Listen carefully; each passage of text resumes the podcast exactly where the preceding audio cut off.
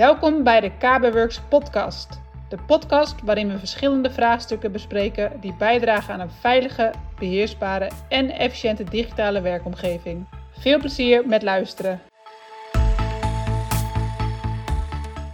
Ik heb met Debbie gesproken over uh, verandermanagement en dat er tegenwoordig superveel veranderingen zijn. Nou, dat herken je waarschijnlijk zelf ook wel.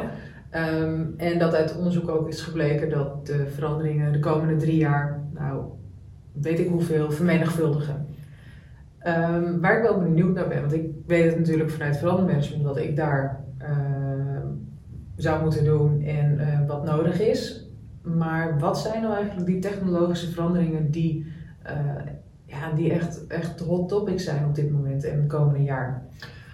Leuke vraag. En uh, ik denk ook echt als je gaat kijken van wat gaat Microsoft doen, want daar doen wij het meest natuurlijk mee, dan zie je dat daar ook heel veel beweging is. En dat komt mede door eigenlijk het hele corona-verhaal, wat uh, natuurlijk alles in de stroomversnelling heeft gebracht.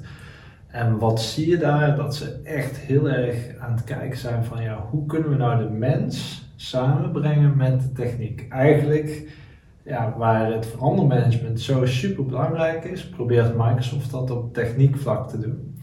En uh, waar, waarin dat je dat dan ziet, terug ziet komen, is bijvoorbeeld met Teams, dat je als je aan het vergaderen bent, dat je meerdere personen tegelijkertijd ziet. en dan niet als losse plaatjes, maar als uh, ik zit op het strand met mijn team en dat iedereen in de strandstoel zit bijvoorbeeld. Dat het ook wat rustiger is voor je, voor je uh, hersenen, want het is gewoon na 20 minuten dan worden je hersens gewoon, ja, die zijn dan zo vol. En door de together mode noemen ze dat, in te schakelen met grote vergaderingen, wordt het allemaal wat rustiger. Nou, dat is één ding natuurlijk. Hè? En dan hebben we het echt over teams. En als je dan verder kijkt, dat is natuurlijk een stukje AI. Dus, uh, Artificial intelligence. Artificial, ja, helemaal goed. um, dus daar ga je meer en meer van zien, van artificial intelligence. Je ziet er ook al dat PowerPoint bijvoorbeeld vertaald wordt hè, in de taal waarin dat je zit. Mm -hmm. Dus stel wij doen een uh, presentatie in het Nederlands en iemand in Amerika zit te kijken en die ziet onze PowerPoint, die ziet hem gewoon netjes in het Engels. Dat soort dingen. Want wa waarom uh, is, wat ik hoor je zeggen, artificial intelligence, dat is uh, ja, dus een slimme techniek eigenlijk. Um, maar waarom is dat zo upcoming nu? Waar, waarom nu juist? Nou, ik denk dat het al in de loop was. Mm -hmm. hè? Dus uh, we waren daar al heen aan het ver verhuizen eigenlijk. Alleen doordat we nu veel meer met afstand aan het werken zijn, remote aan het werken zijn, is dat nog belangrijker geworden om die interpretatie nog makkelijker te maken. Um, dus daarbij is AI, ik noem het AI, mm -hmm. uh, even de afkorting, is super belangrijk. Als we dan nog iets verder kijken, dan zie je dat Power Apps heel erg upcoming zijn. Hè? Dus uh, de manier om eigenlijk vrij eenvoudig een app te maken. Mm -hmm. En ik zeg vrij eenvoudig, want het is natuurlijk niet zo eenvoudig dan dat je even een Word, uh, Word uh, documentje, documentje aanmaakt.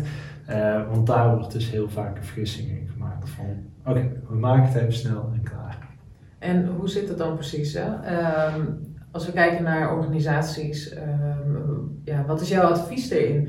Waarom moeten mensen nu met AI beginnen? Moeten die dat in hun, ja, in hun IT-strategie voor de komende jaar, komende twee, drie jaar, waarom, zou, waarom moeten bedrijven dat doen?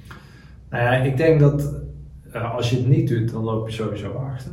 En het is uiteindelijk gewoon een stuk ook efficiëntie en tijdsbesparing uh, in wat mensen aan het doen zijn. Dus nu ben jij bijvoorbeeld uh, met een, uh, het plannen van een agendaafspraak. Ja, dan ga je heen en weer mailen. Ondertussen hebben we Fine Time. prima. Maar als je nu bijvoorbeeld Scheduler gebruikt van Microsoft. Sorry? Scheduler. Dat is oh, een scheduler. nieuwe service.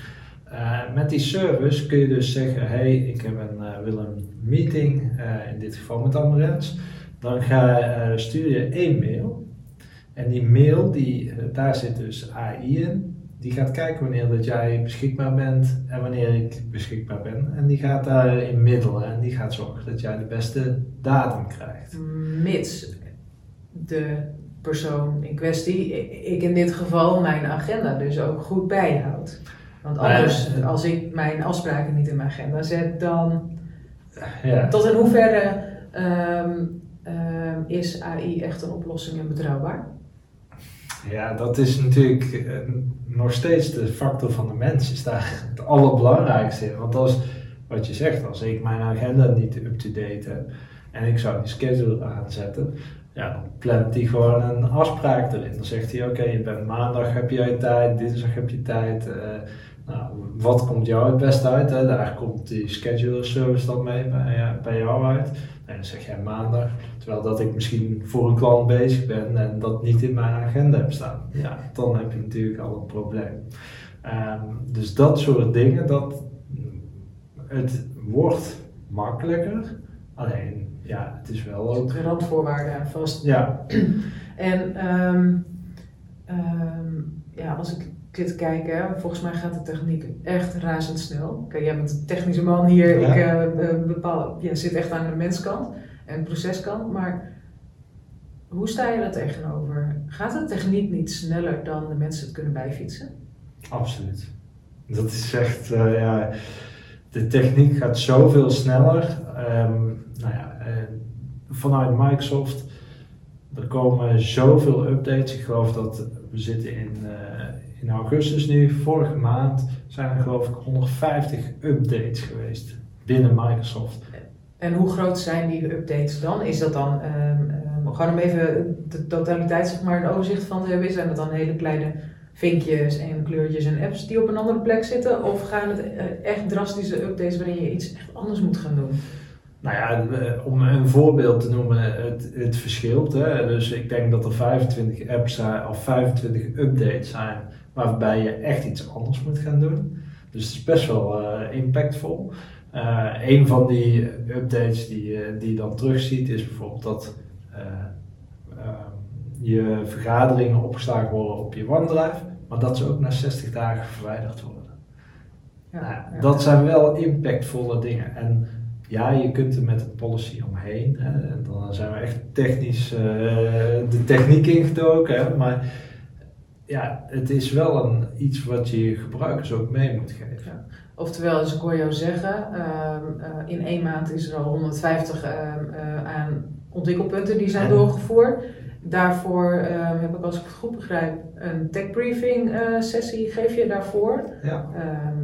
Waarin je dus de, de deelnemers brieft op, op het gebied van deze technologische ontwikkelingen en ehm, ook wat de impact is op eh, in ieder geval de organisatie op de medewerkers. Je zegt net 150 eh, ontwikkeling, ontwikkelpunten die alleen al in de afgelopen maand door Microsoft zijn opgeleverd. Ja. Waarvan eh, een x aantal ook een, een wat grotere impact hebben op de organisatie en de medewerkers.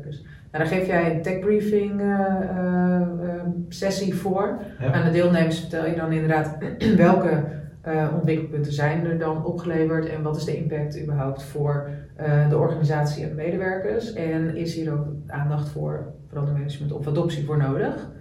Ehm, maar even weer terug naar, naar AI. Ehm, hoe zie jij die veranderingen allemaal spelen?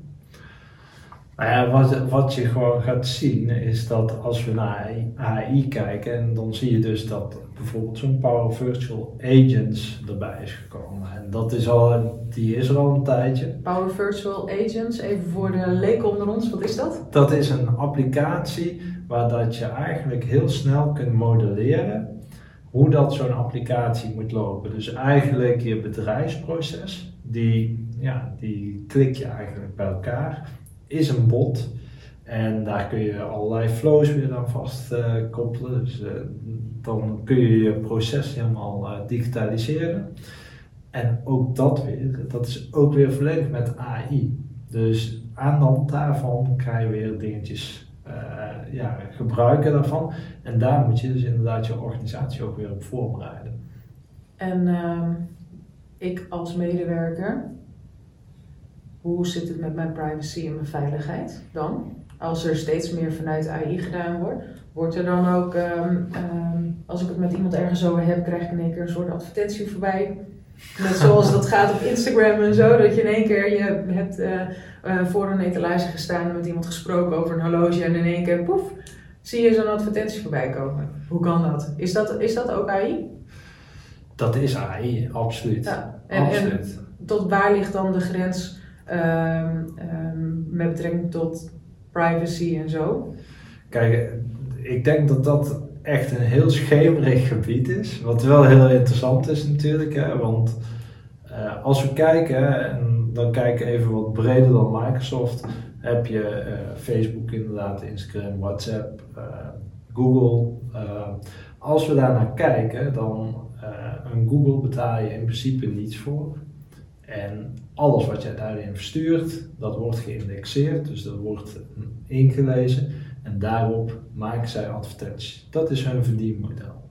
Als je dat kijkt bij Facebook, bij WhatsApp en bij Instagram. De gratis apps. De gratis apps, die uh, lezen jouw data om jou specifiek informatie te sturen over uh, bepaalde producten. Dus ofwel bepaalde diensten. Ligt natuurlijk net aan wat je aan, uh, aan het zoeken bent. Als we dat bij Microsoft zien, dan wordt dat niet gedaan op die manier. Die data wordt natuurlijk wordt ook verzameld. Je kunt dat overigens uitzetten eh, voor een deel. Er zit uh, namelijk overal in de app zit een vinkje. Ik weet niet precies waar dat die zit, maar ik weet dat die er is. Kan ik dat als medewerker zelf doen of is dat, um, uh, moet dat vanuit beheer geregeld worden? Dat is afhankelijk van je organisatie. Bij veel organisaties wordt het opengesteld. Maar er zijn natuurlijk organisaties die volledig met Intune alles dicht hebben gezet. En daar is dan de vraag of ze ook dat vinkje hebben uitgezet. En of jij überhaupt de mogelijkheid hebt om wat aan te passen. Als we dan nog iets verder kijken, dan uh, hebben we het over data. En die data wordt dus inderdaad ja, ergens in een database opgeslagen. Dus in principe zou een administrator, kan er in principe overal bij. Mhm. Dat is gewoon, ja, zo werkt dat nou eenmaal. Maar als een administrator bijvoorbeeld naar je OneDrive zou gaan en hij gaat daar in jouw uh, data, dan moet hij zichzelf toevoegen als administrator. En dat zie je natuurlijk. Ja, precies. Dus het, het valt wel op te vangen. Het is op te vangen en uh, op het moment dat je met applicaties bezig bent, dan moet jij uh, een consent geven dat die applicatie bijvoorbeeld jouw profiel mag lezen. Dat is eigenlijk hetzelfde als je bijvoorbeeld op LinkedIn zit en je zou zeggen van uh, ik heb een puntentelling, ik weet het niet, ik noem maar iets. En dan heb je zo'n third party app, noemen ze dat dan. Dan moet je ook zeggen van ik vind het goed dat ze mijn profiel lezen en eventueel e-mailadressen ophalen. Maar voor de rest mogen ze niks zien. Als je cookies uh, accepteert op een website, is dat hetzelfde idee? Dan accepteer je, geef je dus toegang tot. Uh... Deels, want de cookies zijn natuurlijk toch wel weer wat anders. En ja, dan zit je echt wel echt helemaal buiten, buiten mijn kennisgebied. Maar de cookies uh, die gaan uiteindelijk ook voor een groot deel verdwijnen, omdat zowel iOS, iOS 15 uh, uit mijn hoofd gezegd, die heeft gewoon heel tracking eruit gesloopt. Dat is ook echt wel een discussiepunt uh, tussen onder andere Google en Facebook. Marketeers De, de grote marketeers. Ik weet dat twee jaar terug had ik een sessie, een live event wat ik deed en dat ging specifiek daarover. Ja, dan hoor je dus, ja, dan moeten andere manieren gevonden worden om alsnog die marketing te doen.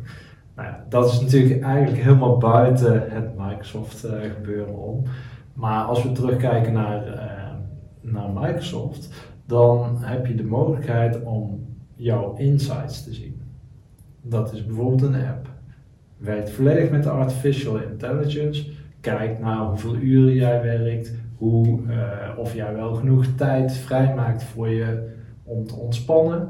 Uh, laatst uh, is daar Headspace aan toegevoegd, dus om te mediteren, om te zorgen, maar dat, dat je rust ook neemt. Want dat is een van de grootste problemen. Hè? Met heel het remote werken, mensen gaan, eh, oh ik zit nog even te werken, ah, en, en zo ben je zo 10 uur, 11 uur bezig per dag, in plaats van misschien 6 uur die je vroeger maakt, omdat je dan ook nog bij de koffieautomaat staat. Hoe zie jij, uh, je zegt dit is een nieuwe, uh, zonder om veel te, veel op de features in te gaan, maar je ziet, zegt dat dit nieuw is. Um, is, er, is het ook al bekend, of in ieder geval bekend bij jou, uh, of mensen hier daadwerkelijk behoefte aan hebben en hier ook, dat het ook echt van toegevoegde waarde is? Want op papier klinkt het super interessant. Ik heb zelf ook Insight, volgens mij. Ja, klopt. Wat ik altijd doe is verwijder hem gelijk. Want ik denk, mail, ik hoef geen mail. Wie mailt tegenwoordig nog? Maar ik heb me er ook nooit echt in verdiept. Daar ben ik heel eerlijk in. Dus ik ben wel heel benieuwd naar deze nieuwe, nieuwe ja, oplossing. Ehm, de visie vanuit waar dat bedacht is, vind ik echt top. Maar in de praktijk, wat zijn daar de reacties op? Nou, het is nog steeds heel onbekend. En uh, jij zegt, ik heb het in mijn mail en ik verwijder het. Maar je hebt ook een Teams application, Viva Insights heet die. Mm kun je zo toevoegen aan je team en dan krijg je dus uh, hoe voel je je. En dan kun je zelf eigenlijk een soort dagboekje van maken. Het is nog onbekend, hè? dus de awareness komt steeds meer. Maar ik denk ook als werkgever dat je daar juist op moet wijzen van hey, insights super belangrijk voor je, want je krijgt inzichten in je eigen werk. Wat doe jij nou op een dag en waarom voel je de ene dag beter en de andere dag minder? En uh, waarom ben je al uh, drie weken dat je in plaats van een smiley een, een smiley omlaag geeft? Dus eigenlijk een variatie op de zogeheten check-ins die ja. op een datestand bijvoorbeeld kunnen, kunnen zijn. Klopt. Klopt. Als bedrijven dat al doen, überhaupt, hè? Klopt. Dus dat is er, maar je hebt dan, dat is de persoonlijke insights. Mhm. Dan heb je hem ook nog over het hele bedrijf. Dus weliswaar een andere licentie, dus daar heb je echt een andere licentie voor nodig. En dan kun je hem over het hele bedrijf zien. Wat is de trend in het bedrijf? Wel geanim, uh, ge ja, want je wil niet dat iedereen uh, uh, dat ik precies kan zien, oh Amarens, je hebt al zes dagen een, uh, uh, een smiley omlaag. Dat wil je helemaal niet. Dat mag volgens mij, mag dat vanuit de AVG überhaupt wel? Nee, nee hè? Klopt inderdaad. Dus dat wil je allemaal niet weten. Maar je wil wel zien wat is de trend in het bedrijf. Ja, dus in plaats van een satisfaction survey één keer per half jaar of jaar eruit sturen. Um, wat ook weer een momentopname is, dat je hier gewoon een trend kan ja. En, en hoe draagt, draagt dit dan bij deze data? Want wat ik je hoor zeggen is dat artificial intelligence is natuurlijk uh, een slimme tool die het voor jou makkelijker maakt. Uiteindelijk. Hè? Ja. Um, het is in principe een term, hè? want alles wat omheen hangt is geprogrammeerd, is door herkenning ja. uh, wordt dat verbeterd. Mm, maar wat ik je ook hoor zeggen is dat er steeds meer focus is op data. Wat ik je hier namelijk door elke dag maar even zo te noemen, elke dag in te vullen, een dagboek bij te houden van hey, check in, hoe voel ik mij? Hoe is mijn werkdruk vandaag? Um, en nou, ik weet niet wat er verder allemaal in zit, maar zit heel veel, hè?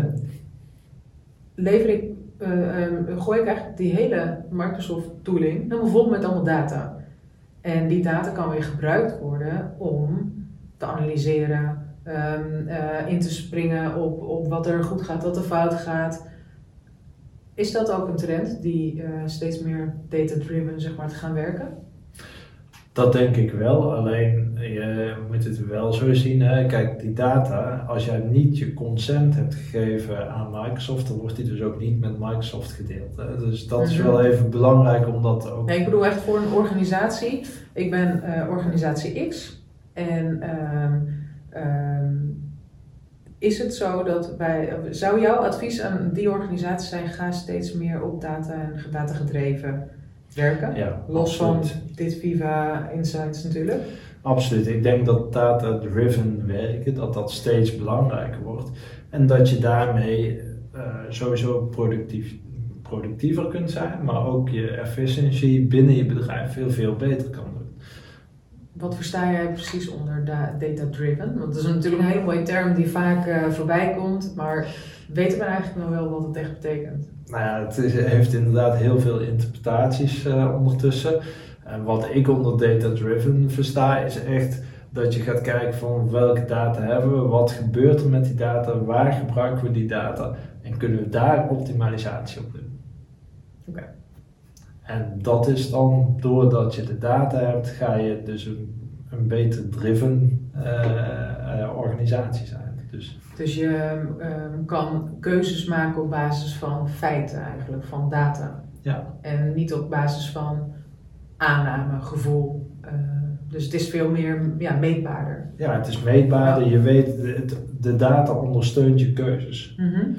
Ja. Uh, hoe complex is dat? Om, uh, ik ben een organisatie X en ik wil, ja, ik wil eigenlijk wel meer meten, weten en ik wil data-driven werken. Maar hoe, hoe kan ik dat morgen gelijk zo doen? Nou ja, kijk, als je, en dan heb ik wel een heel mooi voorbeeld. Dat is bijvoorbeeld de Viva Insights. Hm. Voordat je insight, stel je komt nieuw in een organisatie, duurt het gemiddeld drie maanden voordat de organisatie genoeg data heeft om jou te helpen aan uh, of je dus inderdaad genoeg uh, uh, vrije tijd neemt, genoeg focusuren, met de juiste mensen ook praat binnen de organisatie. Dus dat duurt drie maanden. Dus, en dat is alleen nog maar, daar is al, tenminste is alleen nog maar, daar is eigenlijk alles al geregeld. Dus je kunt je voorstellen, ga je het vanuit scratch doen en je weet eigenlijk niet welke data, ja, dan ben je nog wel wat langer onderweg.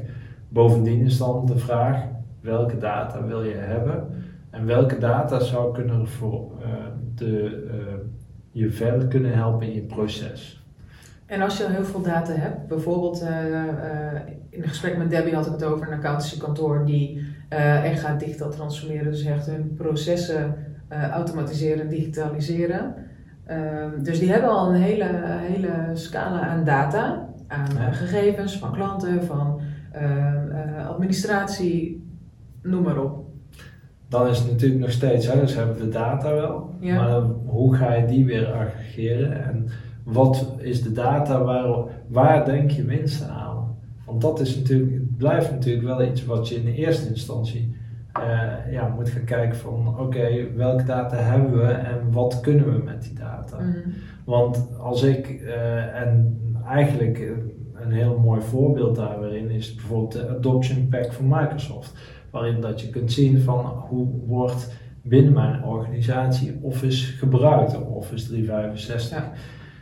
Op basis daarvan kun je weer keuzes maken. Misschien is het wel een keuze dan om te zeggen, hey, we moeten een bot of we moeten een, meer adoptie doen op bepaalde producten. Of misschien zie je wel van, hey, op Yammer wordt heel weinig gebruik gemaakt. Dus uh, wellicht is het goed om Yammer langzaam uit te faseren al dat soort keuzes, dat komt uit zo'n data-driven report, wat je eigenlijk met Power BI samen gaat stellen. Wat is nou de eerste stap die ik als organisatie X weer, is hier, uh, ik wil data-driven werken, want ik wil um, um, ja, beter in kunnen spelen op um, mogelijke gevaren of inefficiëntie. Wat is nou de eerste stap die ik moet gaan doen? Ik denk dat je in eerste instantie gewoon ook moet gaan kijken van wat heb ik nu aan data en wat zijn de processen waarvan ik zelf denk al, daar ligt verbetering. En die data die ga je daarop afstemmen en dan ga je kijken van oké, over gedurende tijd van uh, klopt mijn, uh, mijn uh, gedachten met waar dat ik heen. En wat voor processen heb je dan? Ja, je echt het primaire, de core business processen? Of? Bijvoorbeeld, het is, net, het is net waar dat zeg maar, waar jij denkt van daar is het snelst winst te behalen. Want ik denk dat dat de eerste stap is. Hè. Waar kan ik zo snel mogelijk winst op behalen? En uiteindelijk op het moment dat dat lukt, dan zie je ook van hé, hey, maar dan moet ik uh, dit ook gaan doen, moet ik dat ook gaan doen.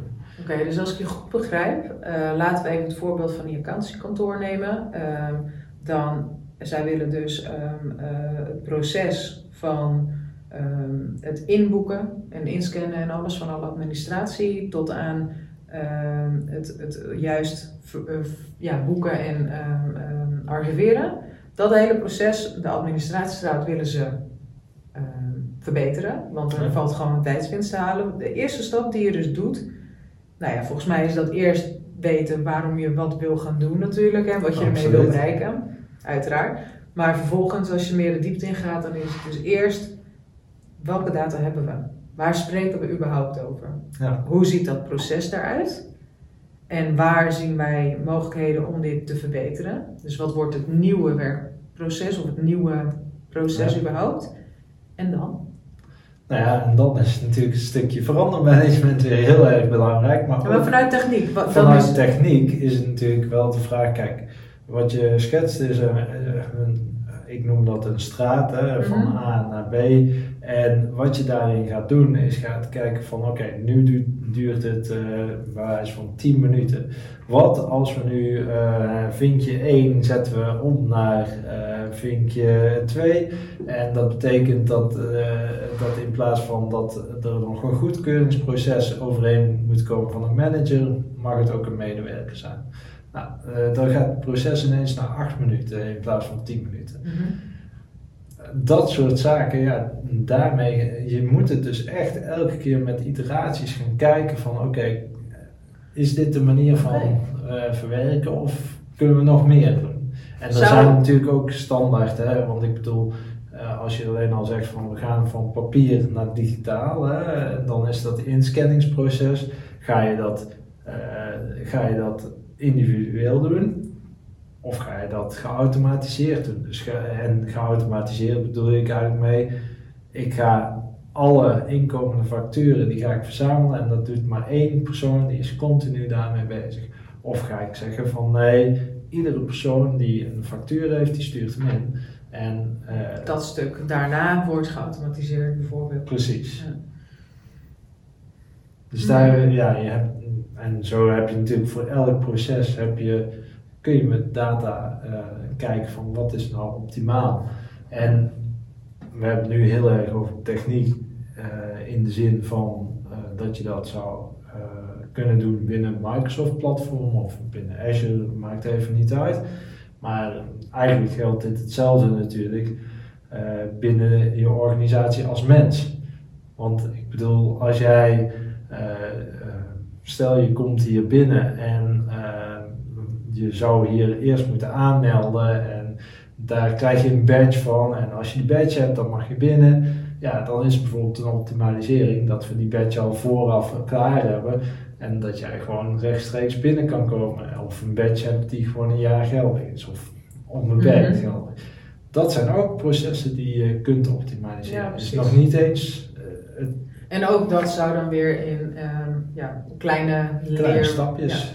Oké, ik weet dat er best nog wel veel organisaties zijn die ehm, met een watervalplanning werken. Die ehm, zeggen, we gaan Microsoft 365 implementeren.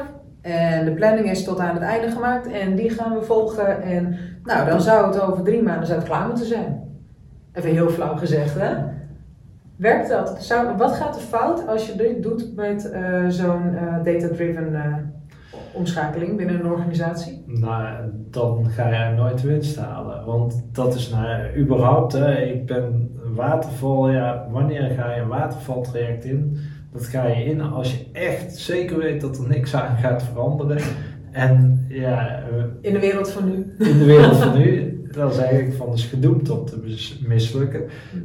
Ik zeg echt, eh, welk project je eigenlijk ook doet, elk project zul je in iteraties moeten doen. Dus in kleine stapjes, eh, je doet een aantal stappen vooruit, kijkt of dat er nog steeds in lijn is met wat je in, uiteindelijk zou willen hebben, of moeten we al bijsturen. En wat Dus- heb je daarvoor nodig? Even los qua organisatie. Dus ehm, stel ik wil dit heel graag en ik wil dan ook ehm, eh, met mijn team eh, in kleine iteraties gaan werken. Wat is nou echt een van de, of een aantal succesfactoren? Wat voor rollen heb ik nodig? Wat, wat moet ik sowieso gaan doen? Nou ja, dan kom je eigenlijk meer op change management ook in principe, waarbij je- echt die stakeholders bij je project gaat eh, betrekken, Mhm. een sponsor die erbij hoort. En dan ga je kijken van, eh, sowieso ga je een roadmap bepalen. Eh, uh, hoe ik dat zou aanpakken is ook dat ik daar een, uiteindelijk een backlog bij ga halen. Maar van, A tot en met Z al? Of is dat een, een hoe, wat moet ik verstaan? Onder een roadmap? Een roadmap is eigenlijk gewoon, oftewel de, story. we gaan van A naar B en ja, we weten gewoon, er komen heel veel stukjes tussen.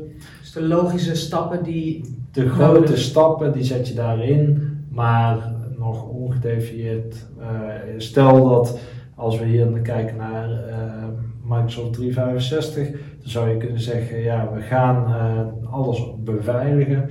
Um, ja, en een van die stappen is dat we Intune gaan gebruiken. Mm Maar daar staat dan nog niet bij dat daar bijvoorbeeld ook MFA in zit en zo. En wanneer dat dan precies dat. Maar wel de afhankelijkheden lijkt mij, toch? Ja, ja wel de ja, afhankelijkheden. Dus dat, zo zou ik dat aanpakken. En dan echt op die iteraties. En daar weer onder zit dan een backlog. En die backlog is eigenlijk ja, alles wat nog gedaan moet worden. En dan in volgorde van prioriteit neergezet. Dus echt een beetje op de uh, ja, user stories. En, uh, ja, absoluut. Ik denk dat we wel bijna aan het einde zijn. Volgens mij kunnen wij nog uren doorkletsen hierover. Denk het. Uh, als ik nou al je informatie hoor. Um, nou, ik heb nog wel een laatste vraag. Wat is nou echt, als je het hebt over um, ja, technische implementatie, digitale transformatie, wat is nou echt van jou een fabel? Waarvan je denkt, oké, okay, dat zeggen heel veel mensen, maar dat is echt zo'n onzin. Klopt gewoon echt niet. Nou ja, ik denk dat je die al behandeld hebt in, eh, in het verhaal net. Maar de grootste fabel vind ik, ja, we gaan nu beginnen en uh, over drie maanden is het klaar. Dus de waterval. dat werkt dus gewoon niet. Nee, en uh, dat is ook, als je op die manier zou gaan werken, dan ga je echt totaal uit de kosten lopen. En ja, dan heb je bij wijze van je wil uh, een perenboom, maar je krijgt uiteindelijk een sinaasappelboom uh, als die al staat. Ja, tenminste, en dat is wat de gebruikers willen. Die willen een perenboom, maar mm -hmm. door de organisatie heen is het toch een sinaasappelboom geworden of het is een struik geworden. Kan ook mooi. Maar oké, okay, dat is natuurlijk op het proces vooral gezien. Ja. Maar als je het echt hebt over techniek, dus uh, we, hebben het gehad over AI, we hebben het gehad over data-driven werken, we hebben het gehad over Microsoft tooling, we hebben het gehad over uh, tech briefing, oftewel je, um, um, ja, de, de, snelheid waarin Microsoft ook weer tooling ontwikkelt, of nieuwe snufjes. Als je kijkt naar wat is nou echt een fabel of complete onzin, wat veel mensen denken of zeggen met betrekking tot techniek vind ik het heel lastig, want uh, ja, wat is een fabel? Ik, ik heb niet direct een voorbeeld daarvan. Want ja, wat, wat je zou kunnen zeggen is: oké, uh, mijn uh, manager die kan overal bij. Hè? Dat, hoor je vaak. Ja, dat is dus een fabel, want je ziet dus wel degelijk wanneer dat een manager erbij komt. Oké, dat vind ik wel een goeie. En ehm, dan heb ik eentje. Dan mag jij zeggen of dat fabel is of niet en of je die veel hoort. Um, ehm, AI of Viva Connect bijvoorbeeld, uh, of Viva Insight, is de oplossing. En als we dit gaan doen, dan gaan we productiever werken. Dat is een fabel. Het is een, een, onderdeel van. Ik denk dat uh, je kunt uh, nooit zeggen dat één tool alles doet. En zeker niet binnen het Microsoft-platform. Eh, we gaan met Microsoft Teams werken en nu gaan we echt slimmer samenwerken. Dat is een fabel. het is Microsoft, en dat wordt dus ook veel uh, verkeerd begrepen als je het dan hebt over fabels. Microsoft Teams is niet alleen het platform om samen te werken. Ja, dat is een onderdeel daarvan. Maar Microsoft Teams is zoveel meer. Je kunt je complete applicatielandschap binnen Microsoft Teams uh, bewerkstelligen. Dus ja, uh, je kan heel veel ermee, maar het is niet het, de holy grail of zo. Dus het is niet het, het enige wat er is. Ja. Er is altijd meer. En het is natuurlijk niet het doel aan zich. Techniek Inderdaad. is niet het doel, het is je gereedschap, je pen waar je mee gaat schrijven. dat je moet de een brief- mens ondersteunen. Dat Ja. is denk ik de allerbelangrijkste. En zodra je alleen maar techniek wil inzetten omdat het techniek is en toevallig Microsoft Teams heet, ja, dan ben je verkeerd bezig. Dus dat is denk ik eh, de, de belangrijkste Ja. conclusie. Nou, ik denk dat dit een mooie uits- eh, afsluiter is van, eh, van dit eh, zeer gevarieerde maar interessante gesprek. Super, dankjewel. Leuk dat je erbij was. Wil je meer over KBWorks weten? Kijk dan op onze website www.kbworks.nl. Deel je inzichten met ons. We vinden het tof als je een review achterlaat. Tot de volgende keer.